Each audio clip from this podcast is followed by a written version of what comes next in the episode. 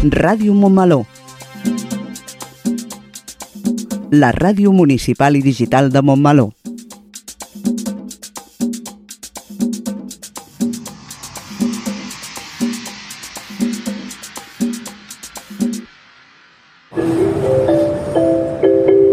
Propera parada, Montmeló.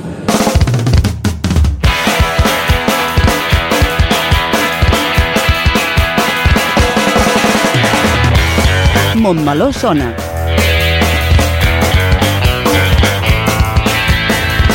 El magazín informatiu de Ràdio Montmeló.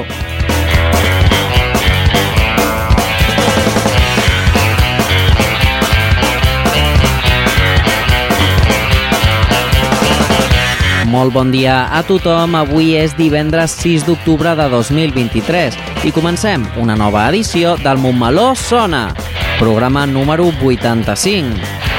Comencem el primer Momoló Sona del mes d'octubre, que quedarà molt terrorífic.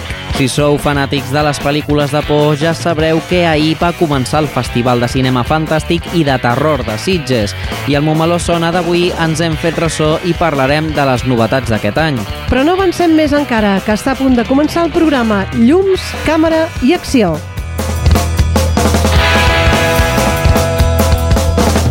Montmeló Sona és el magazín informatiu setmanal de Ràdio Montmeló, coordinat per l'equip de comunicació de l'Ajuntament.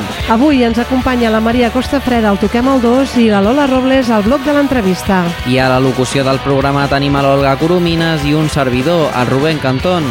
I una vegada fetes les presentacions, passem al sumari de continguts que tenim preparats pel programa d'avui.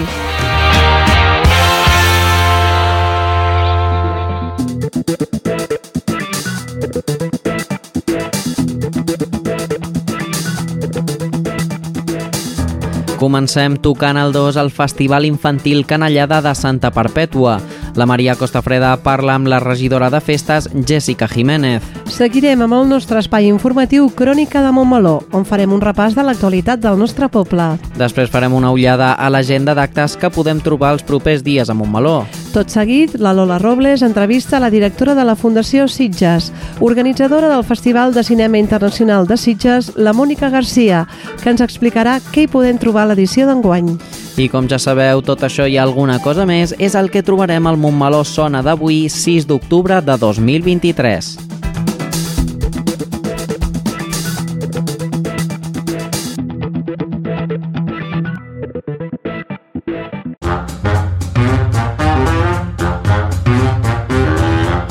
Montmeló sona, el magazín informatiu de Ràdio Montmeló. Montmeló sona i sona així de bé.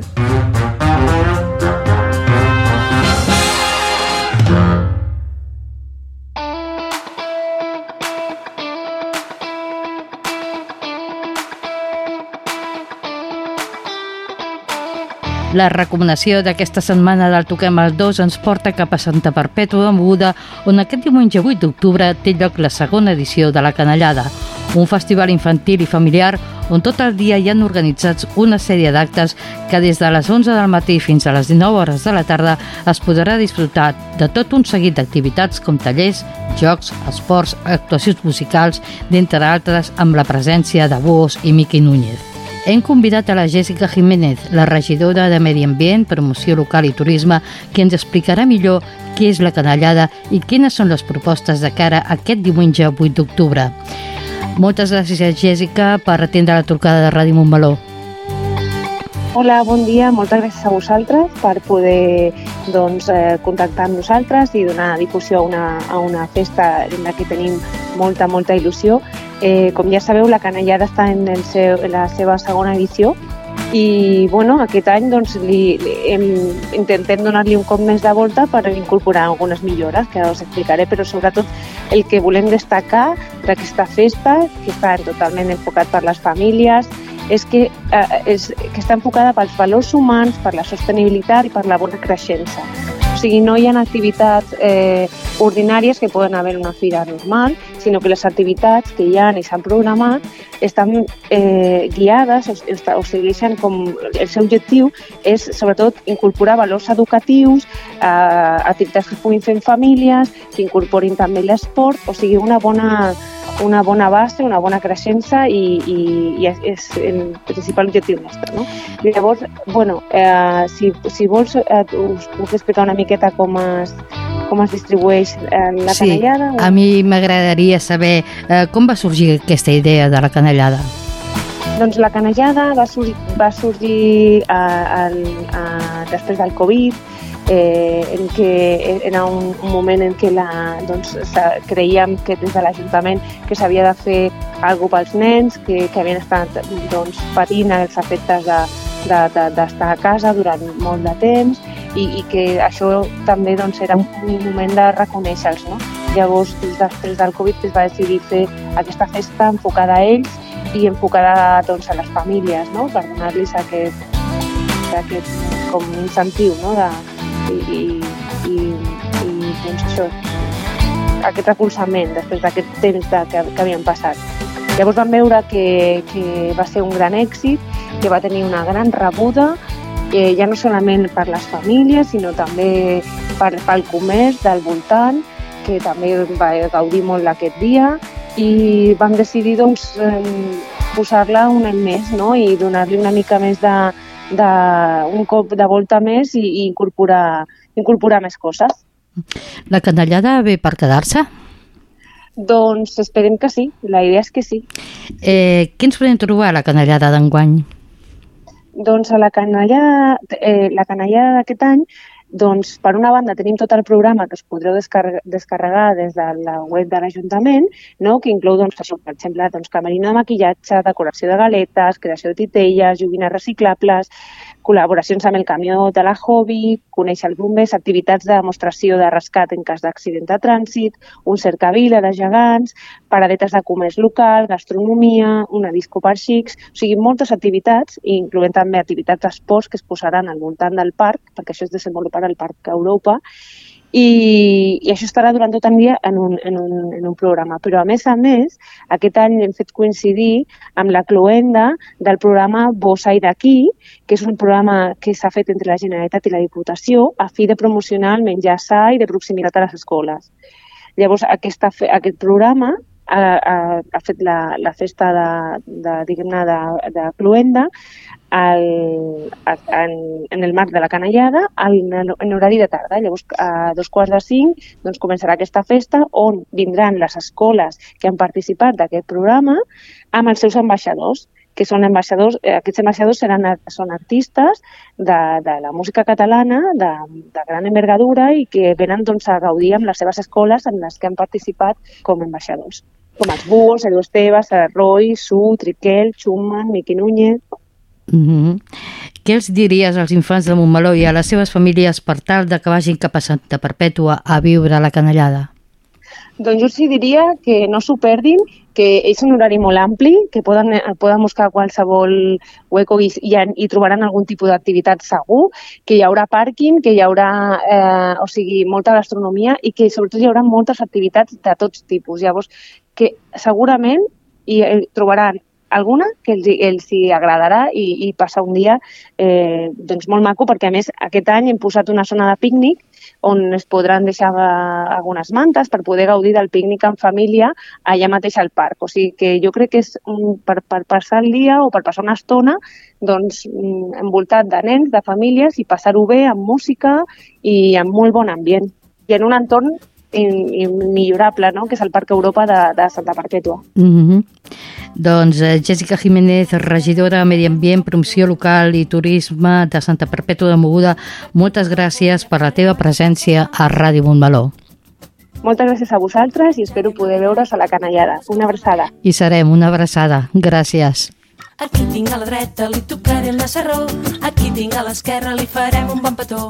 Per perdre la vergonya farem el joc dels dos pams. Engeguem a ballar, tot picant dos cops de man. I toquem el 2, on la propera setmana viatjarem a un altre indret de Catalunya amb més propostes de cara al cap de setmana. Seguim amb més continguts al Montmeló Sona. Gaudiu del cap de setmana. Amunt i avall, pessigolles. Ai, m'agrada. El meu company pessigolles, a la del davant pessigolles, amunt i avall pessigolles, ai m'agrada tant una volta per perdre la son i una altra volta. Que tinc que tongui una abraçada i un bon petó, una rialla per un món millor i una volta per perdre la son i una altra volta. Que tinc que tong una abraçada i un bon petó, una rialla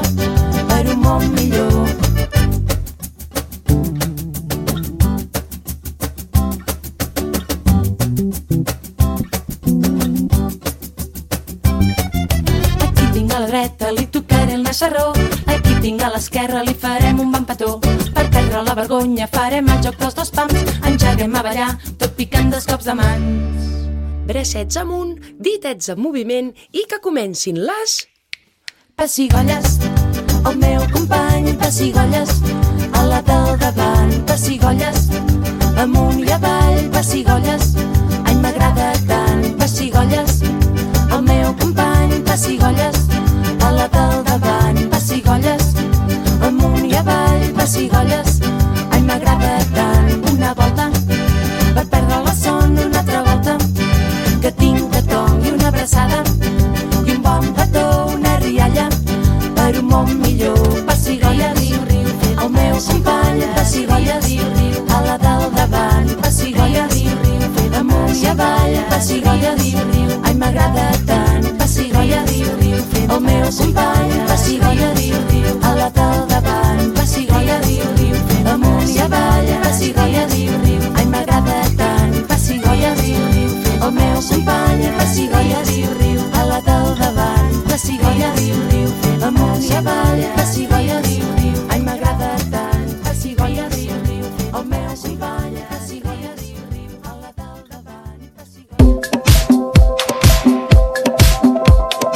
A Ràdio Montmeló, la farmàcia sempre està de guàrdia al programa Montsalut, amb Elisabet Ferrés i Jordi Llopis. El segon dimarts de cada mes a les 12 del migdia.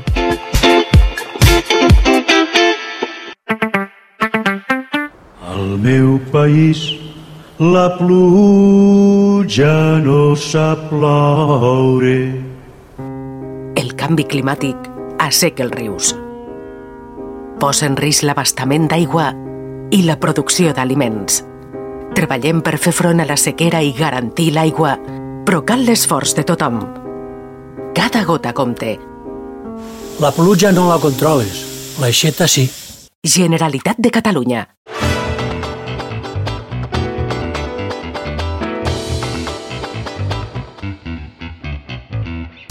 Arribem de nou al nostre bloc informatiu Crònica de Montmeló i donem pas, una vegada més, a les notícies locals més destacades per avui divendres 6 d'octubre de 2023.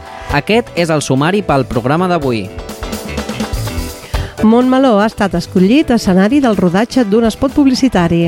L'Ajuntament sol·licita una subvenció per recuperar la mina de Regants. Dijous 12 d'octubre s'interromp la circulació ferroviària entre Parets i la Garriga. Arriba una nova campanya de la Unió de Botiguers i Comerciants de Montmeló. Tornen les Jornades Europees de Patrimoni als carrers de Montmeló. El circuit us convida a la segona edició de l'E-Mobility Experience aquest cap de setmana. A més d'aquestes notícies, us parlarem sobre els actes previstos per aquests propers dies.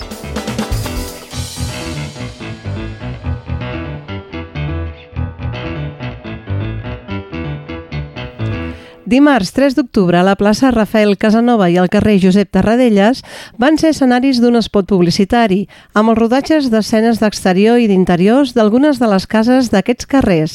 Des de primera hora del matí, el passeig de les Corts Catalanes es va convertir en el set de gravació de l'espot per la marca publicitària Futbol Club Barcelona Rolling Stones, i s'hi va poder veure carpes de vestuari, maquillatge, alimentació, etc. Al llarg de tot el dia es van produir diferents talls de trànsit en els dos carrers esmentats, controlats per personal autoritzat de la productora audiovisual Blur Producciones, encarregada de la gravació. Per la pagesia en general, poder regar ha estat un dels elements fonamentals per tenir bons resultats en les seves collites. La vida de molts pagesos de Montmeló va millorar de forma substancial a partir de la construcció d'una mina d'aigua l'any 1787. Aquesta mina tenia un tram soterrat i un tram a cel obert. Agafava l'aigua de l'altra banda del Congost, passava per sota de la riera i es dirigia cap al centre de Montmeló, tot resseguint la carretera que prové de Granollers, ja a cel obert.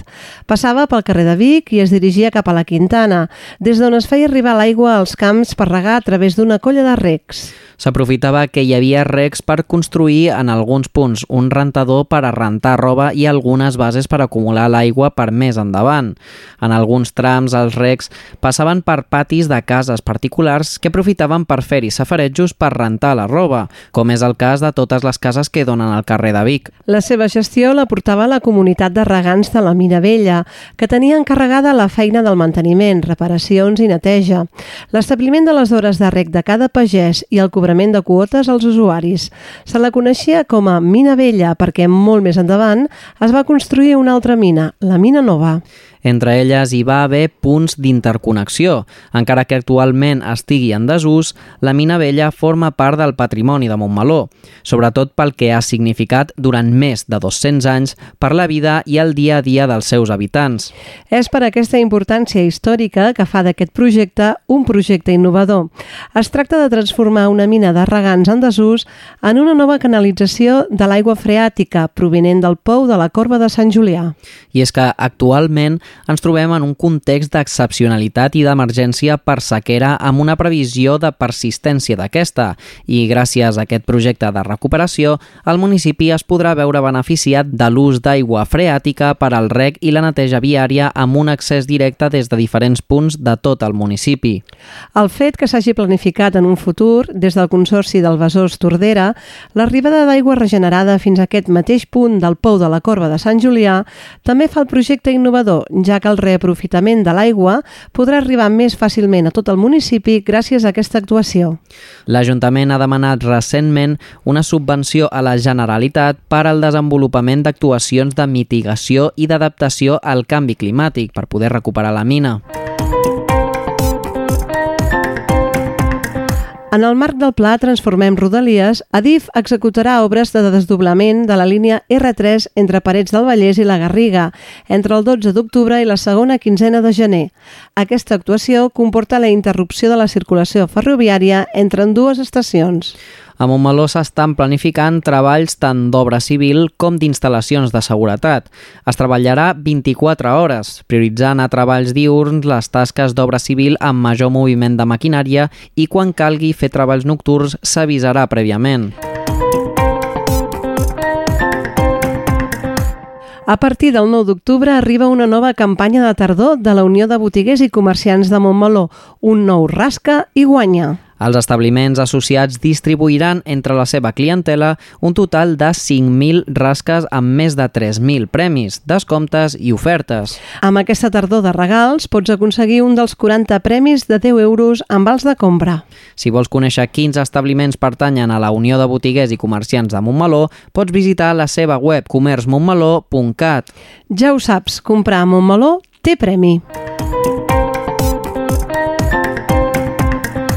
Un any més, l'Agència Catalana del Patrimoni Cultural impulsa les Jornades Europees de Patrimoni, una iniciativa del Consell d'Europa i la Comissió Europea, que se celebra ininterrompudament a Catalunya des del 1991 i que està considerada l'activitat participativa més important d'Europa en relació amb el patrimoni cultural.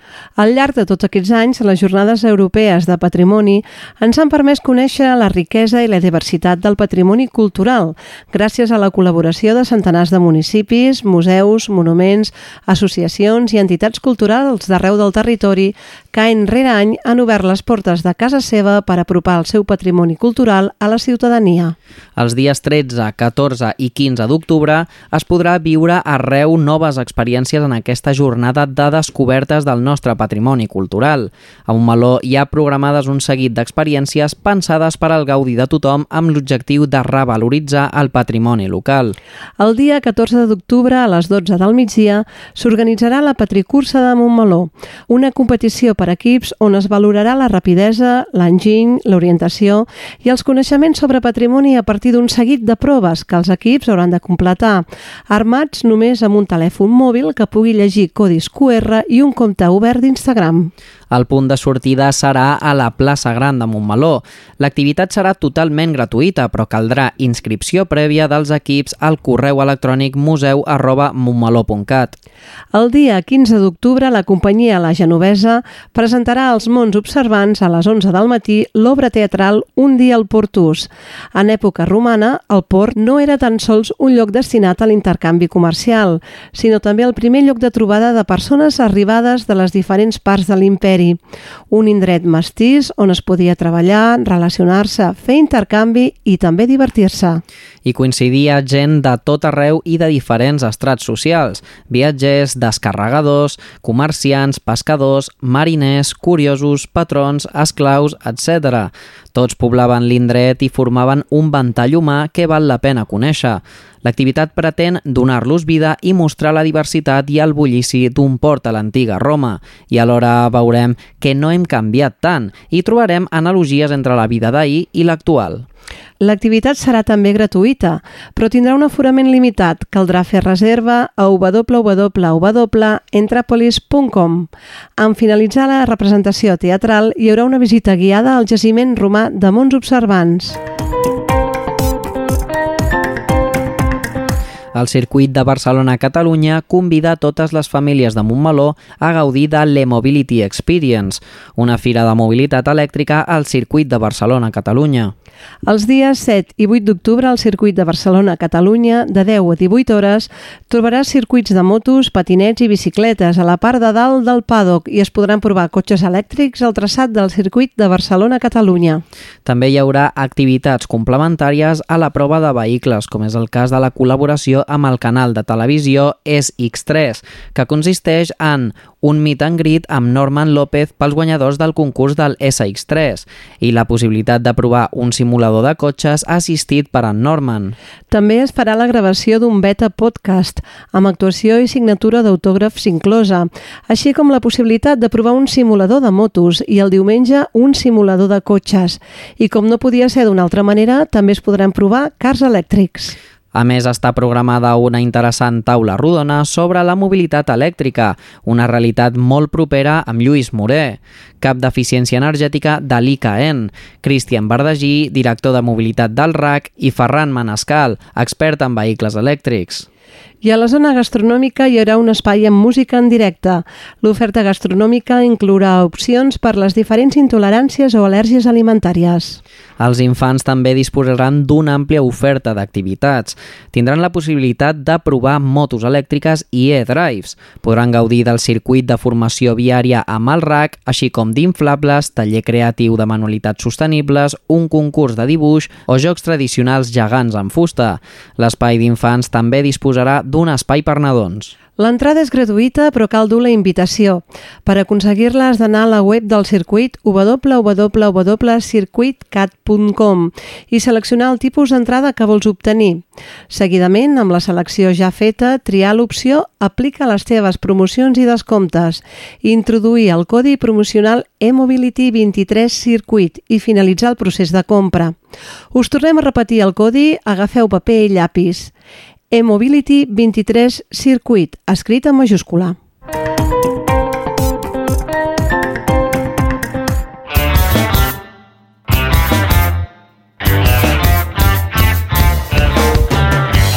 Iniciem el bloc de l'agenda d'activitats culturals previstes des d'avui divendres i fins diumenge 14 d'octubre. Aquestes són les activitats programades. Avui, a les 8 del vespre, al Centre Cultural La Torreta, Òmnium Cultural organitza una nova edició de la Festa Estallers 2023. Sopar de pa i porta. Porta el teu sopar per compartir, xerrar i veure al voltant de la taula i l'obra de Vicenç Andrés Estallers.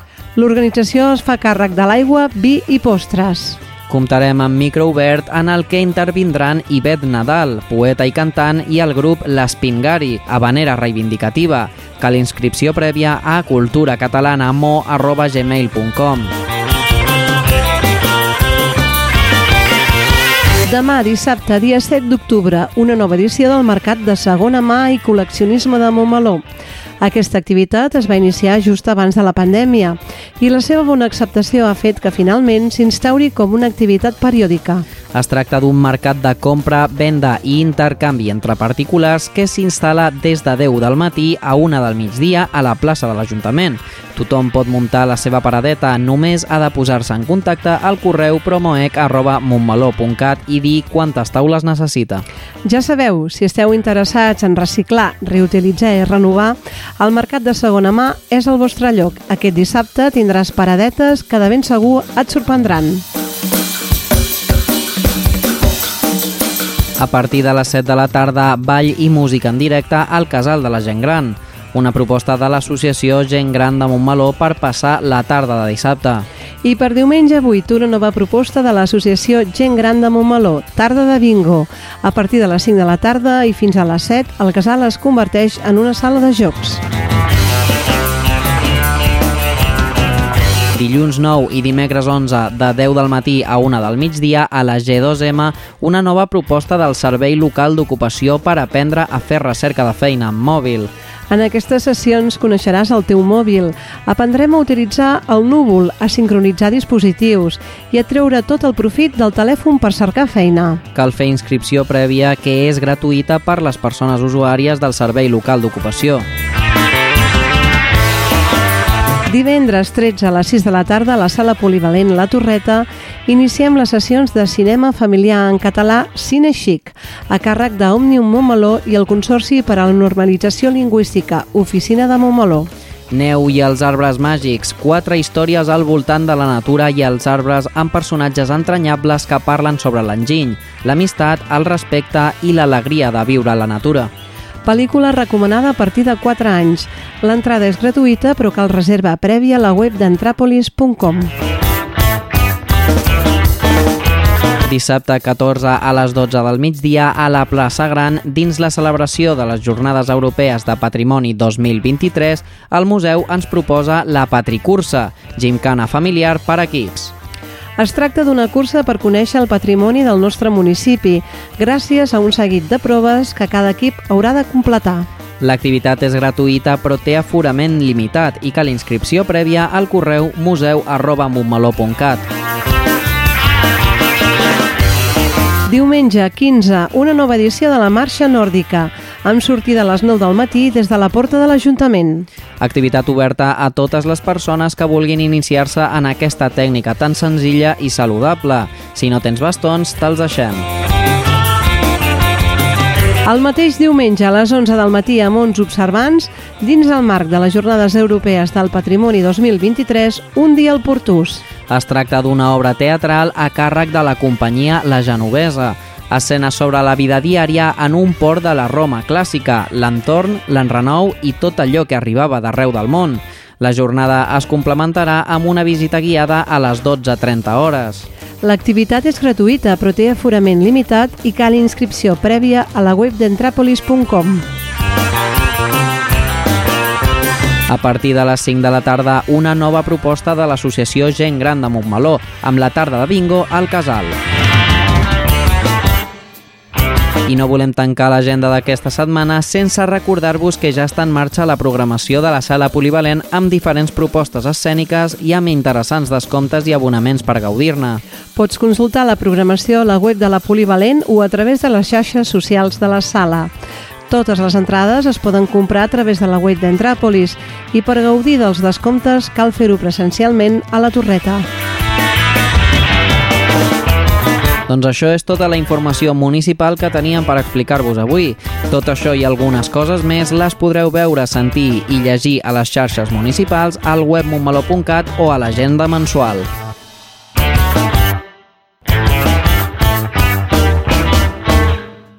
Mare meva, s'acosta el moment de fer riquití.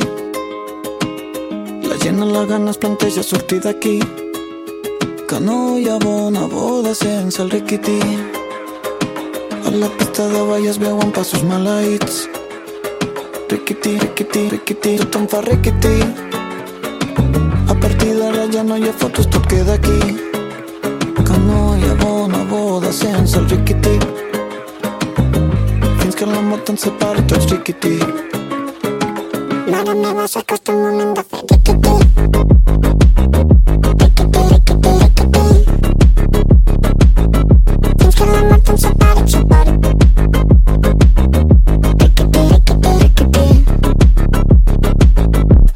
La tieta amb la gula es passeja buscant pastís. I cada solter de la sala buscant amics. Que no hi ha bona boda sense el riquití. De cop cuando tú vas yo vengo de allí. Riquití, riquití, riquití, tothom fa riquití.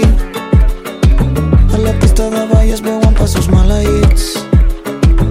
Un grup al lavabo debat sobre qui és qui. Que la mort ens separi tots riquití. Mare meva, s'acosta el moment de fer riquití. Riquití, riquití, riquití.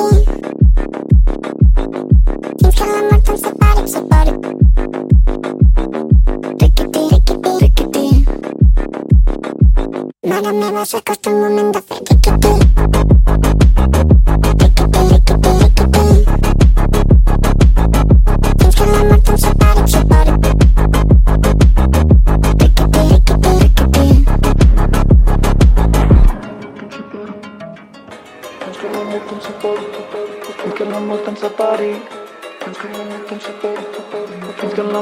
separi, fins que la mort ens separi, fins que la mort ens separi. Mare meva, s'acosta el moment de fer riquití.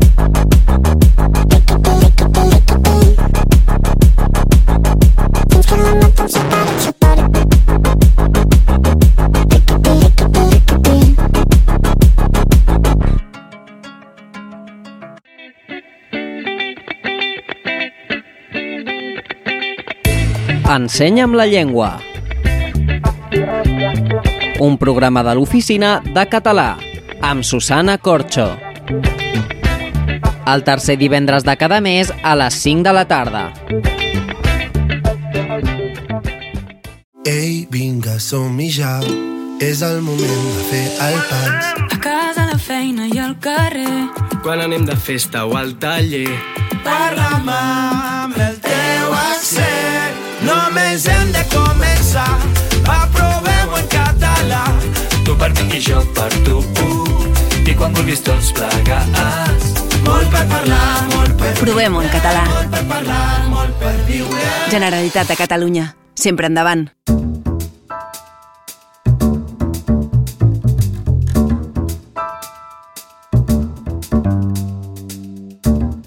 Ahir dijous es va donar el tret de sortida a l'edició número 56 del Festival de Cinema Fantàstic i de Terror de Sitges, que es perllongarà fins al 15 d'octubre. Amb més de 50 anys d'història, és el lloc per excel·lència del cinema fantàstic i de terror. Per parlar sobre aquest festival i el cinema de gènere, contem amb la presència a l'espai de l'entrevista del Montmeló Sona amb Mònica García, directora de la Fundació Sitges. Bon dia, Mònica, benvinguda. Bon dia, moltes gràcies. Primer de tot, què heu preparat en aquesta nova edició del festival? Què es trobaran la gent que hi vagi? Doncs moltíssimes activitats dins i fora de les sales. Realment hem cregut en la idea de crear una experiència que et permeti viure el fantàstic en tota la seva dimensió. Per descomptat que el que és el cinema és el gran protagonista, amb pel·lícules que venen de totes parts del món i que, a més a més, ens donen un ventall molt ampli de, del que significa el cinema de gènere. Tenim eh, una presència massiva aquest any, curiosament, de, de vampirs, que sembla que s'han posat de moda, però, però a més a més mm, estem molt contents perquè tenim un programa especial de promoció de la dona dins el gènere fantàstic i tenim molta representació, fins i tot dins de la secció competitiva, cosa que demostra que de mica en mica doncs, hi ha una, una adhesió cada, cada vegada més gran de les dones a un gènere que té un consum elevadíssim. I més activitats, la Zombie World, com sempre, que és una festa, eh, activitats per nens, per famílies, que de vegades això queda una mica més desconegut pel gran públic, però tenim una secció específica, la Sitges Family, fins i tot en una sala pensada pel jovent i pels nous cinèfils que, que es cuinen per aquí. I quines novetats presenta l'edició d'enguany? Doncs eh, les novetats, bàsicament eh, organitzem, per exemple, aquest divendres la primera trobada de dones eh, dins el gènere europea. I a més a més és una activitat que està dins de eh, la programació cultural de, del país eh, per ocupar la presidència europea.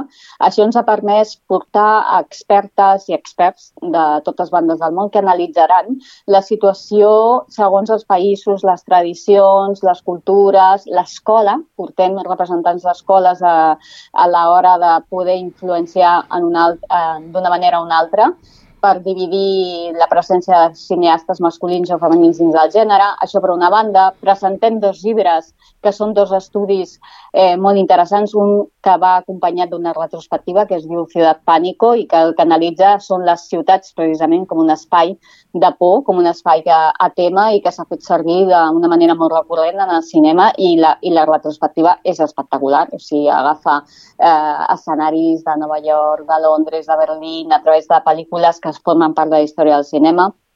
Tenim un altre llibre més lligat al programa aquest que us deia Woman in Fan, que es diu Mistress of Fan, i que es centra molt en la idea de, dels monstres que han estat creats per dones o la possibilitat de tenir aquests referents, i a més a més fem un homenatge a les Forro TV Host. Després eh, donem un, un pas més en, en un projecte que es diu It's Bloody Green, que és eh, la promoció de sostenibilitat dins i fora de, del festival i, i el que és la pròpia indústria cinematogràfica.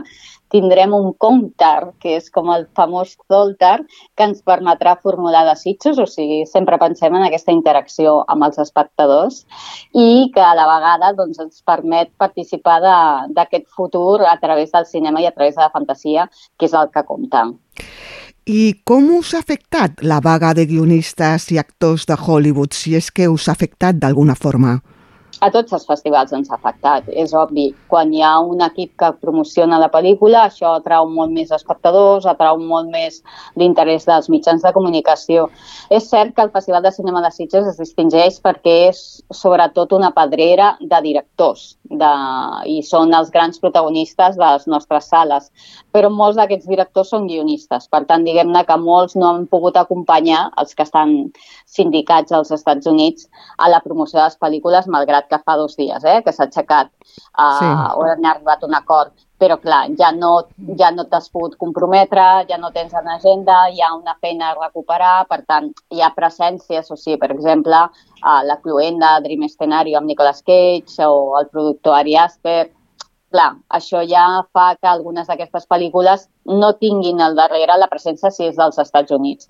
Però, per sort, com que tenim una programació tan àmplia, tenim molta presència de cinema asiàtic, cinema europeu, cinema fins i tot de països com Malàcia, o sigui, i, i aquests doncs, tenen al darrere els seus equips promocionant les pel·lícules i el que és més important, interactuant amb els fans que ens acompanyen.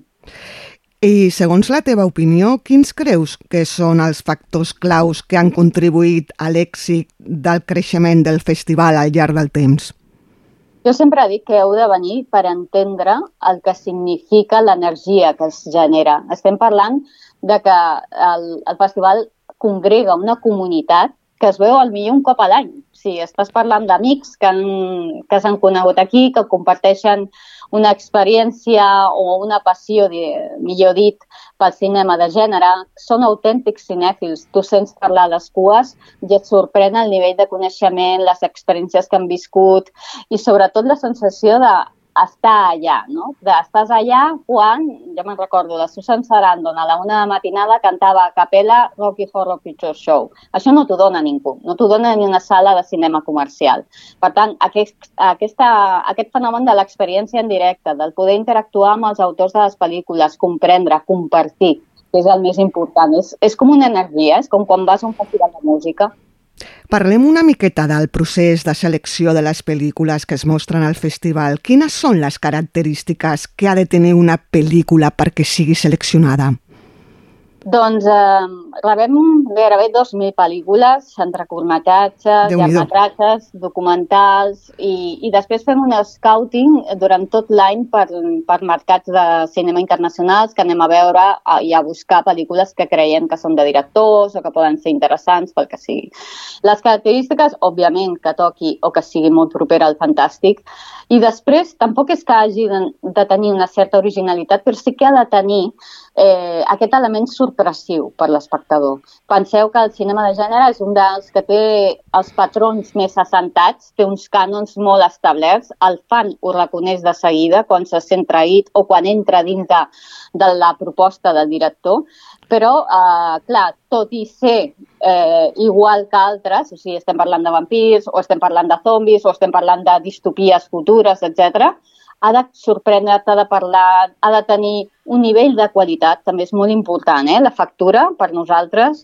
O sigui, durant l'època de pandèmia, per exemple, que vam tenir moltíssimes pel·lícules per les circumstàncies, que un escenari, pocs personatges, que ja et dona una idea del nivell de producció i el, la capacitat de, de que allò sigui interessant, que mantingui el ritme, que l'espectador, ostres, surti una mica transformat de l'experiència, és, és vital perquè aquella pel·lícula entri o no entri dins del festival. I com diries tu que ha anat canviant la indústria del cinema de terror i de fantasia? Quines són les tendències més notables? I perquè sembla que últimament hi ha un ús eh, del fantàstic com a metàfora de tota una inquietud social, no? Bé, és que sempre ho ha estat, eh? O sigui, de fet, els zombis, eh, com es diuen, els monstres són eh, màquines de significat. Per tant, els fem servir per explorar i per expressar les nostres pors. Els zombis era eh, precisament la por, aquesta dominació, el vampirisme és el sinònim de la submissió. Sempre hem fet servir el, el gènere com una metàfora precisament de les pors més internes de l'ésser humà. I per mi el que, el que hem adquirit o el que s'ha viscut últimament és uh, la transformació del gènere en una mena de llenguatge molt líquid que ha impregnat altres gèneres com el drama, la comèdia i que et permet, precisament, com que per part de l'espectador ha de suspendre la seva credibilitat, ha d'oblidar tot el que és el món racional, et dona molta més llibertat. Jo recordo la directora Mary Harron que deia que li encantava el cinema de terror o el cinema fantàstic perquè li permetia eh, matar el protagonista i estava bé, que la cosa acabés malament i estava bé, o sigui, li permetia precisament eh, tenir molta més llibertat a l'hora de transmetre un missatge perquè no s'ha de subjectar a les pautes de la realitat i de vegades apela a un significat de, del teu subconscient molt més profund.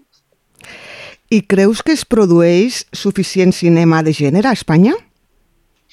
Um, es produ eh, som cantera, o sigui, realment hi ha producció, ha una producció molt bona i constant. La veritat és que hi ha generacions que han mantingut el nivell de producció des de Balaguerós, Plazas, Bayones, Vigalondos...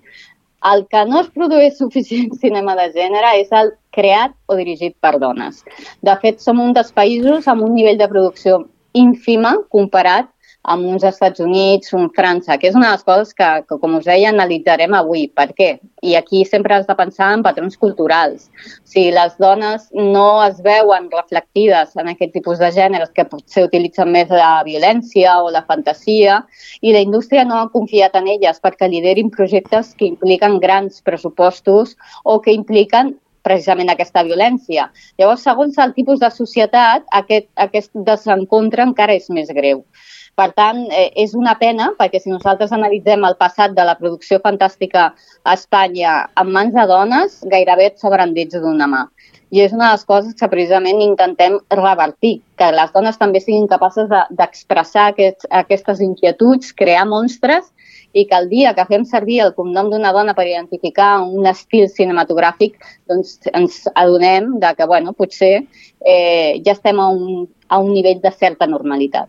Perquè mm, la indústria del cinema, una miqueta lligant amb el que dius tu, és com tantes d'altres, és molt d'homes, no? Hi ha hagut un... El cinema ha estat masclista per omissió, no? Hi ha una, sí. com una desavinença de rols entre la indústria i la dona especialment en el gènere fantàstic. Curiosament, és el gènere que, que més protagonistes femenines té, però, però acaba molt malament. Eh, és la mirada de, de l'home que acaben precisament amb les actrius que, que pateixen, el concepte de Final Girl, no? de la supervivent que s'enfrenta doncs, a, a, al dolent de la pel·lícula, al monstre, etc.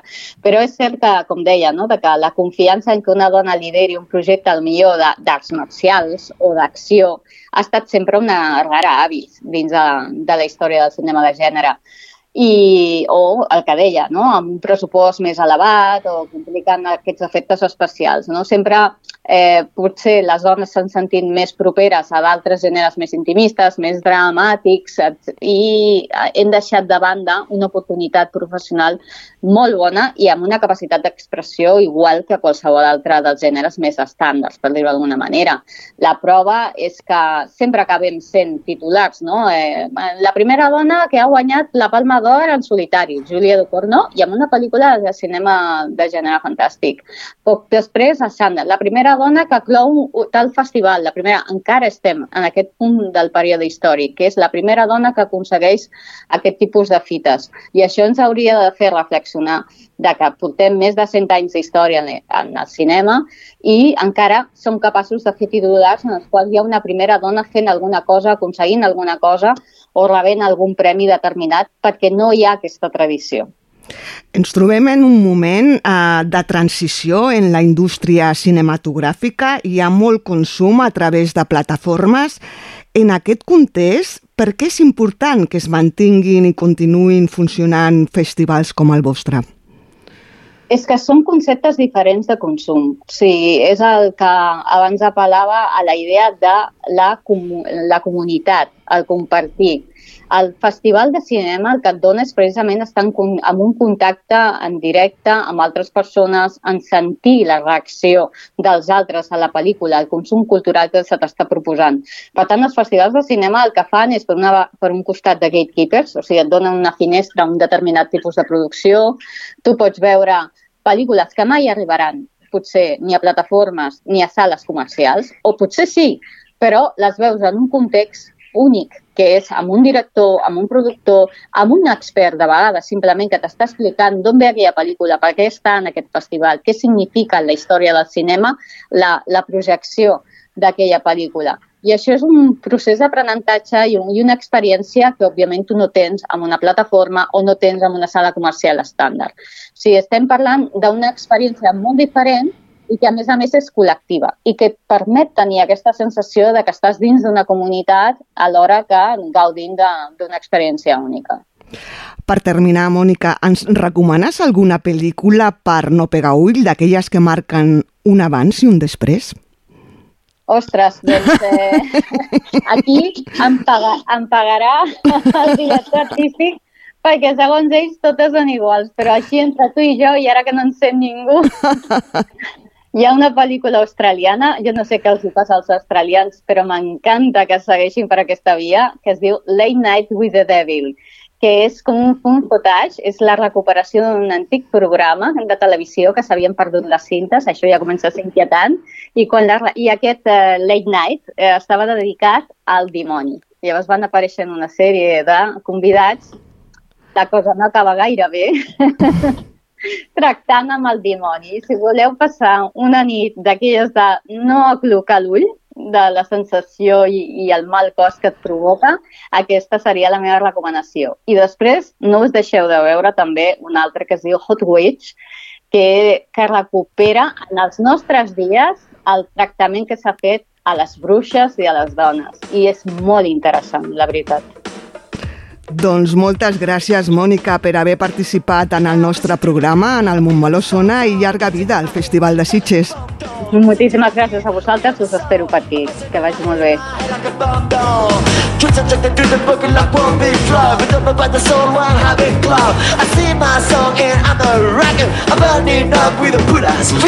Beat, beat, beat of a song, song You're buzzing in my head, head, head bomb down Listen to the beat, beat, beat of a song, song You're buzzing in my head Tweets and trust to do the boogie line Tweets and trust to do the boogie line Tweets and trust to do the boogie line King Kong Fire Beat a beat of a song song buzzing in my head, my head like a bomb dome. Listen to the beat, a beat of a song song buzzing in my head, my head like a bomb dome. We're standing alive with the King Kong fire through the King Kong drive on the Japanese boogie. What's the matter with me? What's the matter with me? I'm playing like a shaking under the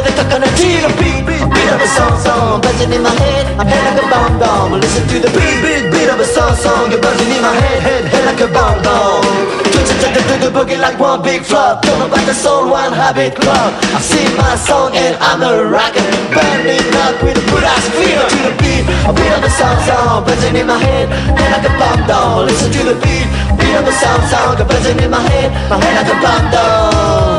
Beat, a beat of a song song, a buzzing in my head, my head like a bomb dome. Listen to the beat, beat of a song song, a buzzing in my head, head like a bomb dome. Now we're standing alive with a King Kong fire, King Kong drive on the Japanese boogie. We're standing alive with a King Kong fire, King Kong drive on the Japanese boogie. What's the matter with me? What's the matter with me? I'm a brain like a chicken under the coconut tree. A beat of a song song, buzzing in my head, head like a bomb dome. Listen to the beat, beat of a song song, a buzzing in my head, my head like a bomb dome. Listen to the beat. 15 són 15, 15, 15, 15, 15 són 15, 15, 15 són... 15 són 15, el programa de la Biblioteca Municipal La Grua. El dia 15 de cada mes a Ràdio Montmeló. T'imagines un lloc on descobrir, on explorar? Un lloc on llegir, aprendre i compartir? Tot això i molt més a la teva biblioteca. La Diputació de Barcelona i els ajuntaments posem al teu servei 228 biblioteques i 10 bibliobusos per apropar-te a la cultura i el coneixement. bibliotecavirtual.diva.cat Diputació de Barcelona.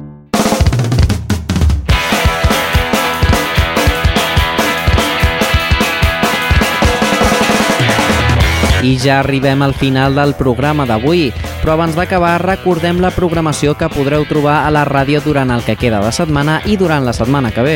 Diumenge, dia 8, tenim estrena. A partir d'ara, el segon i quart diumenge de mes a les 7 de la tarda podrem sentir el podcast Dos Quiciades, un programa amb molt d'humor presentat per l'Irene Cervantes i la Maria Sokolowska, on ens parlaran de com és ser jove i estar molt perdut a la vida. No us el perdeu. Dimarts 10 a les 12 del migdia tornen l'Elisabet Ferrés de la Farmàcia Milenari i el Jordi Llopis de l'agència Visual amb una nova edició de Mont Salut, programa divulgatiu amb la pretensió d'augmentar els coneixements de salut del municipi. Dimecres, 11 a les 8 de la tarda, és hora de meditar. La Míriam García ens porta una nova meditació guiada per relaxar-nos i connectar amb nosaltres mateixos, a Medita i Connecta. I tornem a arribar al divendres 13 a les 12 hores. Teniu una cita amb el programa que esteu escoltant, el Montmeló Sona. I amb tot això marxem, però com ja és costum, us volem recordar que podeu contactar directament amb l'emissora si teniu qualsevol idea, suggeriment o opinió, mitjançant el nostre correu radiomo.montmeló.cat o a través del telèfon i WhatsApp 637 150 702. Molt bon cap de setmana a tothom, passeu molta por al cinema, però no us espanteu massa que la setmana que ve heu de tornar, perquè Montmeló tornarà a sonar divendres 13 de setembre de 2023 a les 12 del migdia.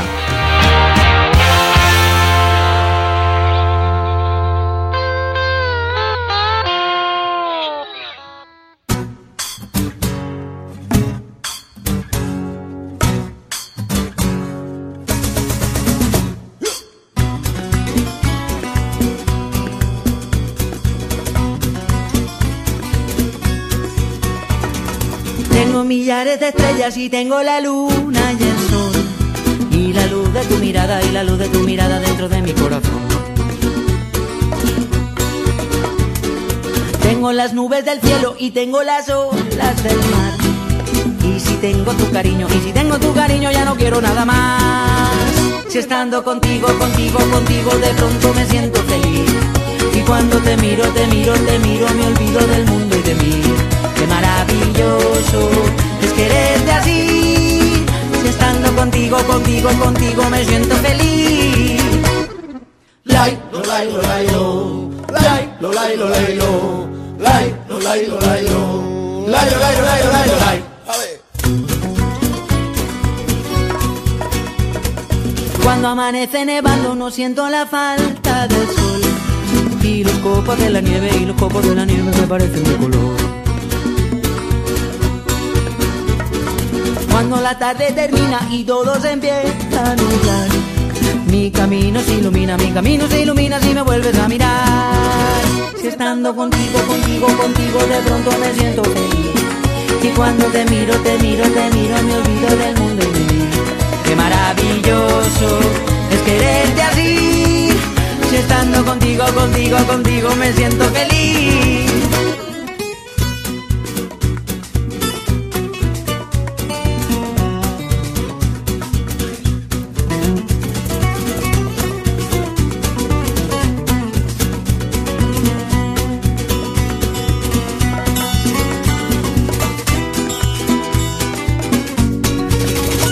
Estando contigo, contigo, contigo, de pronto me siento feliz. Y cuando te miro, te miro, te miro, me olvido del mundo y de mí. Qué maravilloso es quererte así. Estando contigo, contigo, contigo, nos vamos a la plaza contigo, contigo, tomamos un cubata contigo, contigo y me siento feliz.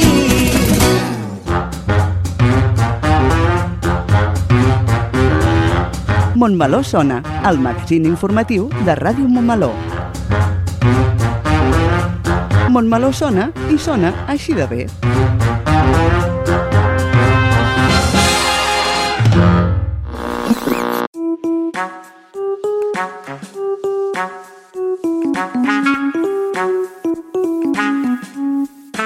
Ràdio Montmeló.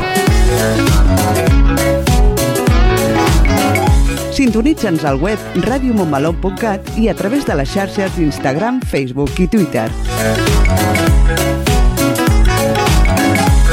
Ràdio Montmeló, la ràdio municipal i digital de Montmeló.